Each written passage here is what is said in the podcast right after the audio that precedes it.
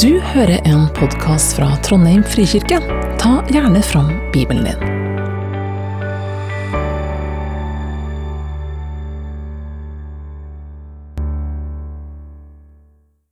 Vi leser jo oss igjennom Efeserbrevet, og i dag er det Efeserne 2, eh, kapittel, nei, eh, vers 11 til 22. Du får det jo på veggen her. Ja, da leser jeg. Dere som en gang var hedninger av fødsel, eh, ble kalt uomskårne av dem som kalles omskårne, de som er omskåret på kroppen av menneskehånd. Husk at dere den gang var uten Kristus, utestengt fra borgerretten i Israel, uten del i paktene og løftet, ja, uten håp og uten Gud i verden. Men nå, i Kristus Jesus, er dere som var langt borte, kommet nær på grunn av Kristi blod. For han er vår fred, han som gjorde de to til ett og rev ned den muren som skilte, fiendskapet. Ved sin kropp har han opphevet loven med dens bud og forskrifter. Slik stiftet han fred da han av de to skapte et nytt menneske i seg. I én kropp forsonte han dem begge med Gud da han døde på korset, og slik drepte fiendskapet. Han kom og forkynte det gode budskapet om fred, både for dere som var langt borte, og for dem som var nær. Gjennom ham har både vi og dere adgang til Far i én ånd. Derfor er dere ikke lenger fremmede og utlendinger. Nei, dere er de helliges medborgere og Guds familie. Dere er bygd opp på apostlenes og profetenes grunnvoll, med Kristus Jesus selv som hjørnesteinen. Han holder hele bygningen sammen så den vokser til et hellig tempel i Herren, og i ham blir også dere bygd opp til en bolig for Gud i ånden. Takk, Johanna, for både for eh, det du delte om hvorfor du tror, og for det du leste. Takk. Står mikrofonen min på? Ja. Um, det er valg i tida her. Jeg håper dere har stemt, eller tenker å stemme i morgen eller i dag. Det er kommunevalg, fylkestingsvalg, og for dere som er medlemmer i Norske kirke og ennå ikke har meldt dere inn i Frikirka, så er det mulighet til å påvirke der og i morgen. Og um, denne uka her var det noe som fanga oppmerksomheten min, og det var en uh, tale av en uh, person som jeg liker ganske godt, som heter Mimir Kristiansson. Kanskje noen av dere har sett det. Han har en tale på P3 Morgen der han skulle oppfordre folk til å velge, til å gå og stemme. Og da sa han noe sånt som det her. Jeg vil at dere skal lukke øynene og se for dere det mest ufordragelige mennesket dere kan tenke dere. Den personen som mener akkurat det motsatte av det. Se for deg det verste kommentatorfelttrollet du kan tenke deg. Og så vil, du, vil, jeg at du skal tenke deg at det er stor sannsynlighet for at dette mennesket kommer til å stemme ved valget. Og det kommer ikke til å stemme det samme som det. Så hvis du ikke vil at alle de personene som er sånn, skal bestemme, så må du komme deg ut av sofaen og gå og stemme. Godt valg. Det var Mimir Kristiansson. Jeg har litt sånn sansen for han. Han er en sånn sjarmerende bølle. Eh, som bare kommer og noen ganger bare dytter inn litt sånn realiteter inni ting. Og det er litt sånn herlig, syns jeg. Og jeg må jo innrømme at denne talen, som jo er et humoristisk innslag mest, den fikk jo meg til å ha lyst til å gå og stemme. Og delta i demokratiet. Men hvis vi tenker oss litt om, så er dette kanskje litt et bilde på den tida vi lever i. For hvor mange TikTok-videoer, eller reels for oss som tror oss er for voksne til å ha TikTok, har dere sett som ikke framstiller dem på den andre siden av den politiske skalaen som er enten dum eller ond? Som gjerne tar fram et eller annet klipp av Elizabeth Warren eller en eller annen eh, person som hun liker å mobbe. og viser hvor dum og ond vedkommende er. Og eh, Samfunnsdebattant Espen Goffeng han sier jo at en av de tingene vi sliter veldig mye med nå i dag, er at oss ikke bare sier at ja, du stemmer på ditt parti, og du har dine preferanser, du velger det, jeg velger det. Nei, og så begynte å skille mellom at jeg er et godt menneske, for at jeg mener den tingen her, den tingen her og den tingen her, mens du er et dårlig menneske som mener den tingen og den tingen og den tingen her. Og det er jo mange som roper varsko over stammementalitet, eller tribalisme, som noen kaller det. Der vi i større og større grad omgir oss med mennesker som er helt like, har samme hudfarge, samme politiske meninger, samme alder, samme alt som oss sjøl. Og det gir oss en viss fred å slippe å forholde seg til folk som er uenige. Og slippe å forholde seg til folk som er annerledes, som tenker annerledes, som er en annen generasjon til og med.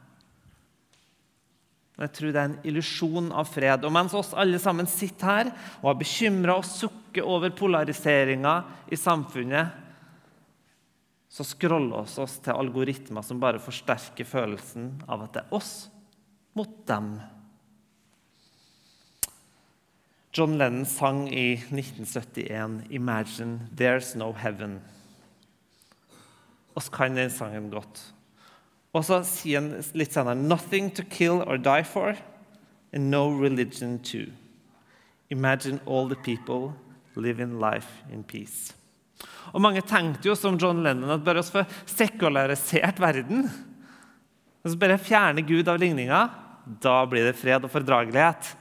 Da blir det harmoni. Og John Lennon kalte jo sangen 'Imagine' interessant nok, for ikke noe harmoniske ord, men en antireligiøs, antinasjonalistisk, antikapitalistisk og antikonvensjonell sang.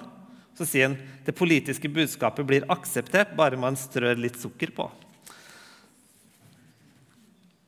Når du fjerner Gud av ligninga, så ser det også at i større og større grad så vokser det fram politiske ideologier som blir løsningen på problemet vårt. Og så henvender vi oss lenger til Gud. Og da blir det plutselig ikke ondskapen som blir ond, men det blir andre mennesker. Velkommen til kirka, folkens. Her ser oss lyst på livet. Um, men jeg tror det finnes en løsning. da. Bare vent og hør. Men oss må iallfall få lov til å takke Gud og be for at vi får lov til å bo i et demokrati, et fritt og godt land. Så jeg skal starte med å gjøre det. Gode Herre, takker for eh, Norge. Takker for eh, Trondheim kommune og Trøndelag fylke. Jeg takker for at oss kan få bo i et godt og trygt land som har demokrati, og der oss har påvirkningsmulighet. Så be Herre for valget, for alle folkevalgte, for alle som stiller til valg. Men du kom med din velsignelse. Og du led de folkevalgte. Og beskytt alle som tør å heve stemmen sin fra nettroll og alle som prøver å rive dem ned. La dette være et land der det er mulighet til å bryte meninger. Legg hele valget og landet vårt, Trøndelag og Trondheim, i dine allmektige hender. Amen. Og så er for tida en taleserie om efeserne. og Jeg skal komme tilbake til den innledninga mi etter hvert. Men eh, Lise ta en tale om eh, efeserne 1. Helge fortsett. og har begynt på kapittel 2. Og oss har nå kommet til andre halvdel av kapittel 2. Hvis du har Bibelen din, så kan du gjerne finne den fram. Jeg kommer til å si en del bibelvers i dag som ikke kommer på skjermen, eller parafrasere. oss for så. Men når vi leser Bibelen, så er det alltid kjekt å vite litt hvor er hos han i det store bildet. Og eh, hvor i det strukturelle landskapet er. Og så, er, så skal vi snakke litt om Efeserbrevets struktur. Er det noen som vet hva dette her er? Er det noen norsklærere her? Hanne? Nei, hun er, er ute. Er det noen som tør å si det? Som vet det? Oppbygging av en roman eller historie. Det er spenningskurven. Og For dere som uh, har lest en norsk bok eller en, uh, hører en historie, eller noe sånt, så, så, går historien sånn her at den, den, går litt sånn opp og blir mer og mer spennende, og så får den en avslutning. Og, og så er historien ferdig. Og hvor et utsagn kommer, f.eks. hvis det står, uh, står at Kristian så på meg med et lurt smil. Hvor den, det utsagnet havner hen i historien, har mye å si for hvordan vi tolker det utsagnet. ikke sant? Og Sånn er det også med Bibelen. at setningene, Vi må skjønne ofte hvor i Bibelen står denne setninga. Og For oss i Vesten er det en helt naturlig måte å tenke sånn at en historie har en begynnelse og en slutt. Eller for dere som nå er nye studenter og holder på å lære å skrive akademiske verk da, eller svare på oppgaver, da skal du først starte med å si i denne oppgaven her, så vil jeg svare på da, da, da, da. Og så vil du komme med en teoretisk utgreining, og så vil du drøfte det, og så vil du komme med en konklusjon til slutt. Det er sånn vi bare bygger opp ting i Norge. Og hvor en setning plasseres, har veldig mye å si for hvordan den setninga oppleves. Dette er ikke nødvendigvis måten som den bibelske forfatteren legger opp ting. I Bibelen så har du gjerne en fast struktur som kalles for kiasme. Og nå for, uh, now, This is the English version, so um, I will go to the Norwegian version soon. You can take a picture if you want to, uh, if you want to read it uh, while I'm talking about the English version. Um, men det dere kan se her, er at um, tekstene har et sentrum, et høydepunkt, som ofte er midt i teksten, der det står 'det'. For dere som hører på podkast, skal jeg prøve å få lagt ut dette her senere.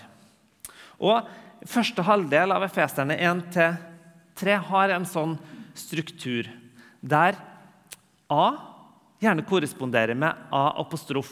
Det er omtrent det samme temaet som foregår, sjøl om den ene kommer først, og den andre kommer sist. Og B korresponderer med B apostrof og C med C apostrof. Og så er det, sånn som det står her, da, det er klimakset. Det er høydepunktet. Og nå har vi kommet til høydepunktet i Efeserne 1-3, sånn som Paulus skrev det. Og det er altså da Eh, og jeg har to deler her. Det er C, og det er D. Nå skal jeg bla opp dit. I forrige uke så fikk vi høre Helge snakke om den C, altså kapittel 2, vers 1-10.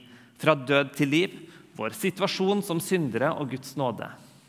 Og I dag så fortsetter Paulus med en, sånn parallell versjon av det her, når han snakker om vår situasjon i en splitta verden og Guds løsning, Guds nåde på det. Og så til slutt i dagens tekst får vi høre om en visjon om en ny menneskehet og et nytt tempel. Så nå vet dere litt hvor vi er hen, og kan vi få dykke ned i teksten.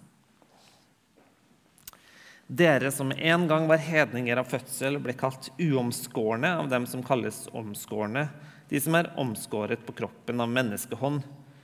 Husk at dere den gang var uten Kristus, utestengt fra borgerretten i Israel, uten del i pakten og løftet, ja, uten håp og uten Gud i verden.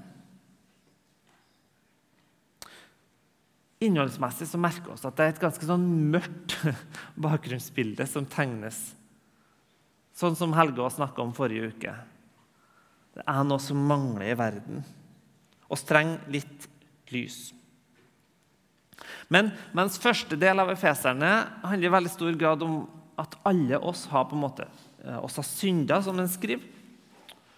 Oss har gjennom vår synd og våre unnlatelser blitt fanga i noe som leder til mørket. Så er andre del av Efeserne 2 mer opptatt av denne utvelgelsen av israelsfolket, som Lise snakka litt om i kapittel 1.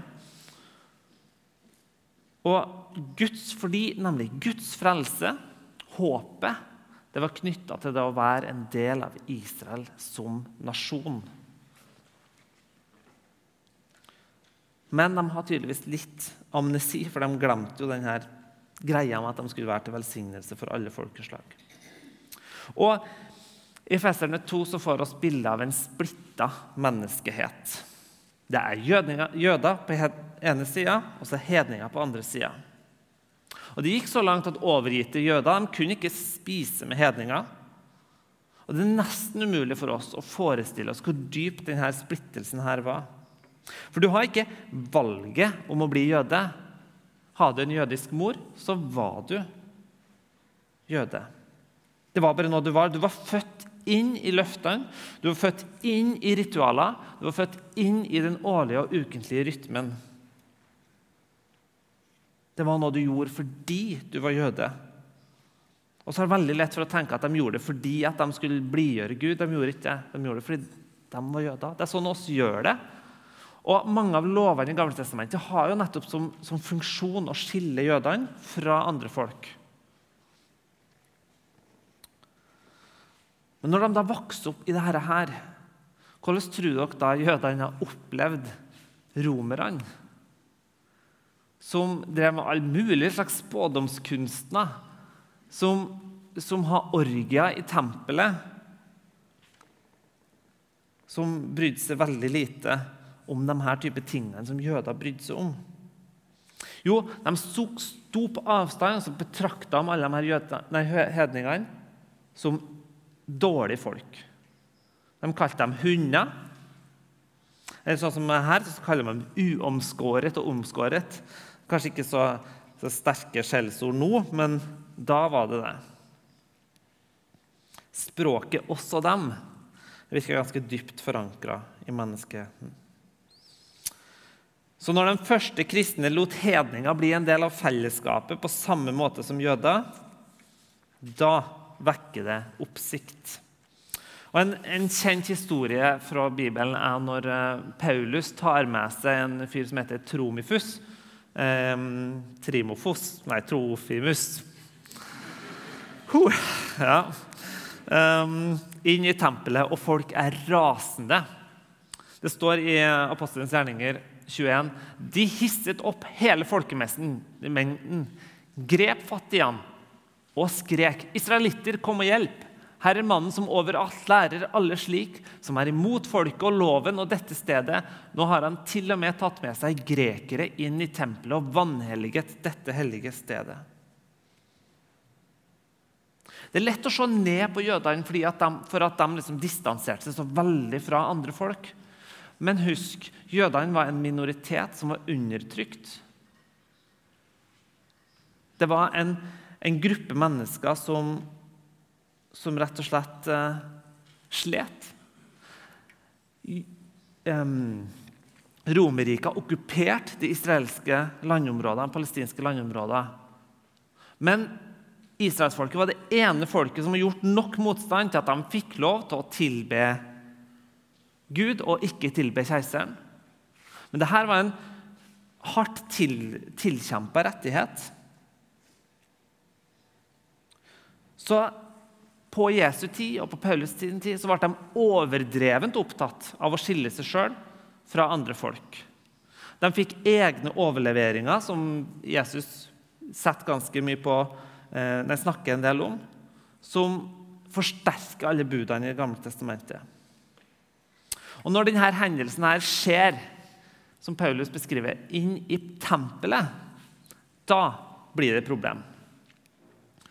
Tempelet er utrolig vanskelig for oss å forstå tyngden eh, av tempelet, hva det har å si. Et av verdens sju underverker. Et enorm bygning. Greia med tempelet er at Gud har sagt at jeg skal la mitt nærvær være i tempelet i det aller helligste. Der skal jeg være, sånn at dere skal få møte meg. Og leve i min nærhet så skal dere forvandles til å være til velsignelse til alle folkeslag. Det var omtrent sånn som Gammeltestamentet beskriver det. Og Det var masse masse regler om dette. her. Og eh, I faglitteraturen så sier du gjerne at eh, rundt tempelet, eller i tempelet så var det det som kalles for konsentriske sirkler av hellighet. Beskrevet sånn. Det var mest hellig. Guds nærvær var sterkest til stede i det aller helligste. Og så var det prestenes foregård. Der var kun prestene som fikk lov til å komme. Og så var kvinnenes foregård, som må sies i hermetegn. Jeg skal ikke gå inn på begrepet kvinner akkurat her, men det, det har litt større betydning enn det dere tror. Og så kommer det som heter hedningenes foregård. Og jeg skal ta fram et bilde av, um, av tempelet på den tida. Lengst til venstre i dette bildet her, så ser dere en liten mur som er 50-60 meter fra selve tempelbygningen.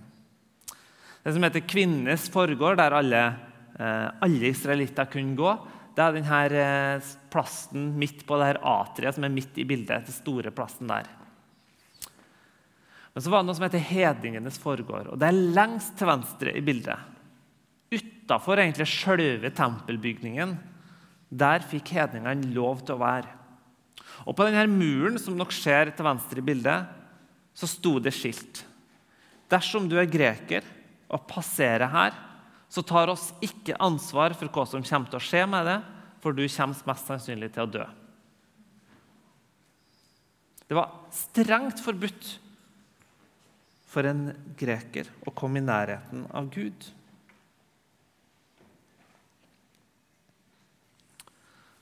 Så skriver Paulus da Men nå, i Kristus, er dere som var langt borte, altså hedningene, kommet nær på grunn av Kristi blod.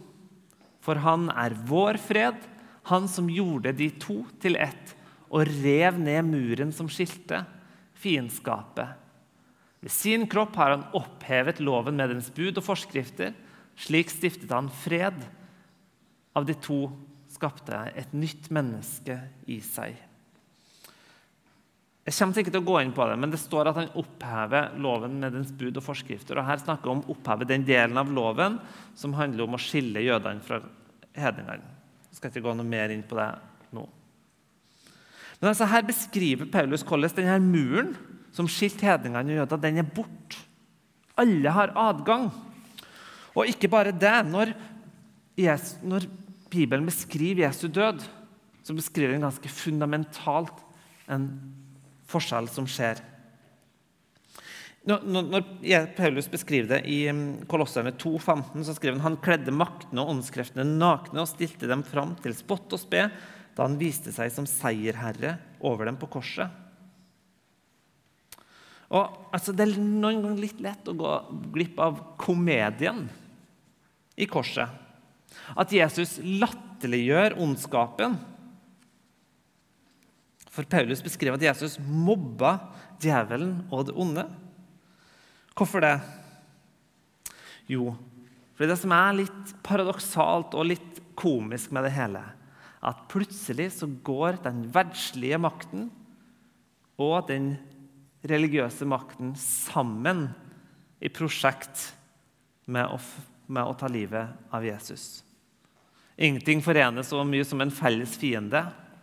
Og det står jo til og med I Lukas så står det jo den dagen ble Herodes, som var konge over jødene, og Pilatus, den romerske landshøvdingen, venner. De ble venner. Tidligere hadde de ligget i fiendskap med hverandre. Så plutselig samles maktene, alt sammen, mot Jesus. Og ondskapen, djevelen, tror han har vunnet. Men så avkler Jesus det. Stiller dem fram for spott og spe når han vinner over dem. Og så I Matteusevangeliet så ser vi hvordan da Jesu død, hvordan hans seier utløser et jordskjelv som, som river ned skillet mellom det aller helligste og verden. Plutselig så er ikke Guds nærvær kun å finne i det aller helligste i tempelet, der det var kun lov til å komme for én spesiell person én spesiell dag én gang i året. Nei. Nå er Guds nærvær tilgjengelig for alle. Og Paulus beskriver det som skjer, som å være i Kristus. I én kropp forsonte han dem begge med Gud da han døde på korset og slik drepte fiendskapet. Han kom og forkynte det gode budskapet om fred, både for dere som var langt borte, på andre sida av muren, og for dem som var nær. Gjennom ham har både vi og dere adgang til Far i én ånd. Plutselig rives barrieren mellom jødene og hedningene bort. Men Paulus, eller Bibelen eller Gud, Jesus, overlater ikke oss til en sånn Når folk definerer sjøl hva det fellesskapet her er. Når fellesskapet defineres som i Kristus. De som er i Kristus. I Galaterne så sier han det sånn. Det gjør han ikke. Han sier det sånn. Alle dere som er døpt til Kristus, har kledd dere i Kristus. Her er ikke jøde eller greker, slave eller fri, mann eller kvinne. Dere er alle én i Kristus Jesus. Og det var virkelig et radikalt budskap. For hva når minoriteten skal begynne å blande seg med majoriteten? Da mister de jo beskyttelsen de har hatt. Og Jesus beskriver det her som å komme med fred. For han er vår fred, står det. Og For meg i møte med denne teksten her, så er det ordet som har berørt meg og provosert meg mest. Fordi det er mange av oss som erfarer at det å tro på Jesus slett ikke gir fred. Tvert imot. Kanskje har du tenkt, når jeg gikk på jobben denne uka, her, så jeg måttet svare hver midige dag på alle slags mulige ting som en eller annen som kalles seg kristen, har sagt på Facebook om homofile. Eller kanskje har du måttet svare overfor kollegaene dine i, i oljebransjen at, at men alle kristne er jo imot olje. Hva skal du si da? Det oppleves ikke som fred. Det oppleves litt tryggere å holde seg til et fellesskap der en ikke blir utfordra på sånt. Og tro med de første kristne de måtte tåle kritikk fra både høyre og venstre. Når de på ene sida radikalt inkludert folk av alle, eh, alle nasjonaliteter og, og raser, har radikal nestekjærlighet til de svake de satt kvinner og slaver i ledelse. Kjempeprovoserende. På andre sida, sånn som oss ser det i dag, så praktiserte de ikke abort. Det var en kjempestreng seksualmoral. Og de tok til seg barn som ble satt ut i skogen. Det var kjempeprovoserende. Så hvordan kan Bibelen beskrive det Jesus kommer med som fred? Det virker jo til å splitte. Så står det jo òg Når Johannes møter disiplene, så sier han Min fred etterlater jeg dere, ikke den fred som verden gir. Så han sier 'min fred', så er det en annen fred her. Og I første del av Efeserne 2 så fikk vi høre hvordan vi nå har fått fred med Gud. Det er ordna opp. Men fred i verden kan vi ha det?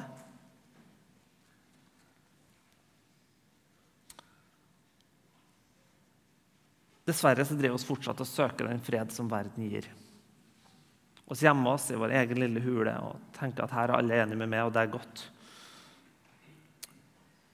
Og Jeg har sjøl kjent på det der at liksom, det er litt sånn tungt noen ganger å stå for å være litt sånn motkulturell og og det virker som hele verden bare spiser meg opp, og jeg kjenner bare en sånn maktesløshet.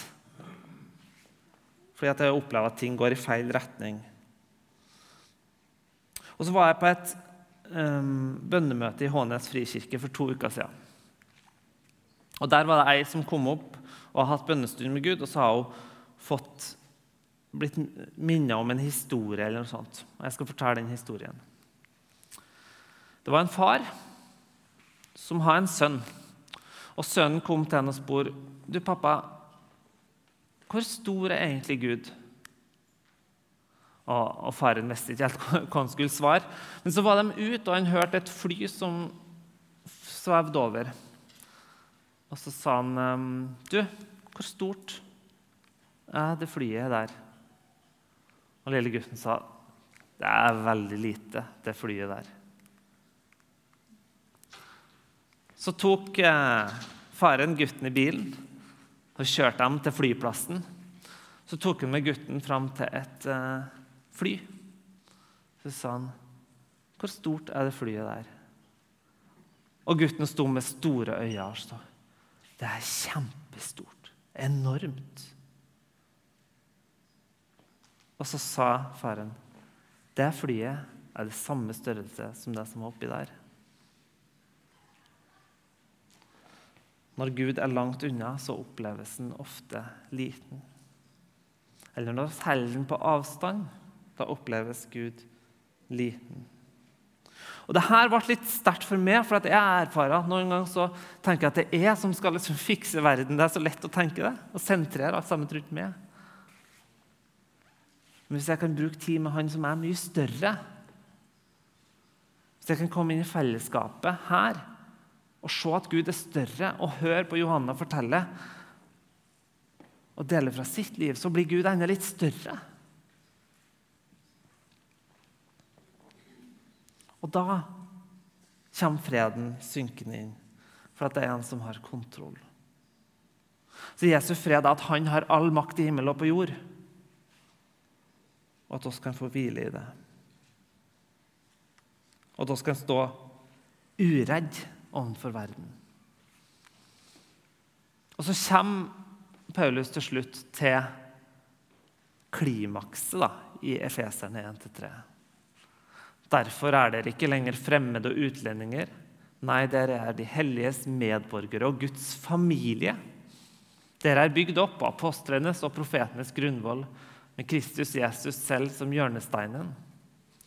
Han holder hele bygningen sammen så den vokser til et hellig tempel i Herren.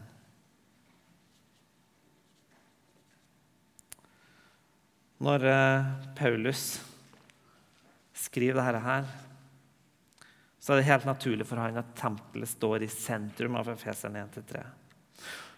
Som jøde er det det. Men som kristen så er det for Paulus helt naturlig at både Faderen, Sønnen og Ånden er til stede sammen med menigheten og ikke minst apostlenes grunnvoll.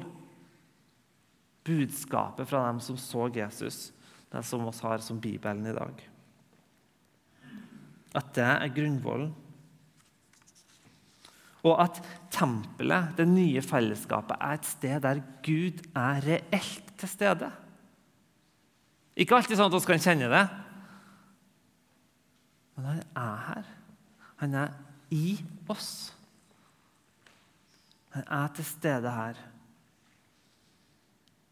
Jesus bringer fred fordi han kom med ydmykhet, tilgivelse og forsoning, samtidig som han har all makt i himmelen og på jord. Han kommer med fred fordi at oss skjønner at vår egentlige fiende ikke er andre mennesker, men djevelen. Han kom med fred fordi han viser oss at oss alle sammen står helt likt overfor Gud. Når vi kommer til nattvær her, så kommer ikke oss det som at noen, og 'Du har vært flink, du får en stor brødbit.' Nei. Vi får akkurat det samme, alle sammen. Og det å se det, det gir oss et nytt fellesskap. Og det, For dette fellesskapet her står på et fundament. Og Paulus beskriver det som hjørnestein. Jeg har vært i tempelet i Jerusalem, og nå skal ikke jeg bli han der som alltid deler alle bildene fra, fra turen til Israel. Liksom. Eh, men jeg skal dele ett, hvis det kommer. Så dere ser over hodet på eh, læreren vår der, og framover til høyre, så ser dere en stein som er hjørnestein. Den er 14 meter lang, den er tre meter bred og 1,5 meter tjukk. Den veier 500 tonn. Det er hjørnesteinen. Og til en dag i dag så vet ikke forskere hvordan de klarte å bygge tempelet med så store steiner. De aner ikke. Men Herodes den store som bygde tempelet, han ble kalt Herodes den store av en god grunn. Men det er så solid minimum som Jesus er. Midt i en verden som virker til å dra til alle kanter og sider, så det er der vi kan finne vårt sanne fundament. Det er den grunnen vi står på, som bærer oss, og som gjør at oss ser at de rundt oss de er akkurat like som meg. Vi trenger Gud like mye. Og Nå skal vi få gå inn i en responstid. Vi skal få synge bare på grunn av din nåde. For der er jeg kun Jesus som har prestert. Og Hvis dere vil, så kan dere uh, få tegne de to lysene som står igjen. dere kan få skrive bønnelapper. Det blir forbønn her og bak der. Be for hverandre i salen hvis det er naturlig. Og så reiser vi oss, og så er vi med å synge to sanger sammen. For at du hørte på. Velkommen til gudstjeneste søndager klokka 11. Mer informasjon finner du på trondheim.frikirke.no.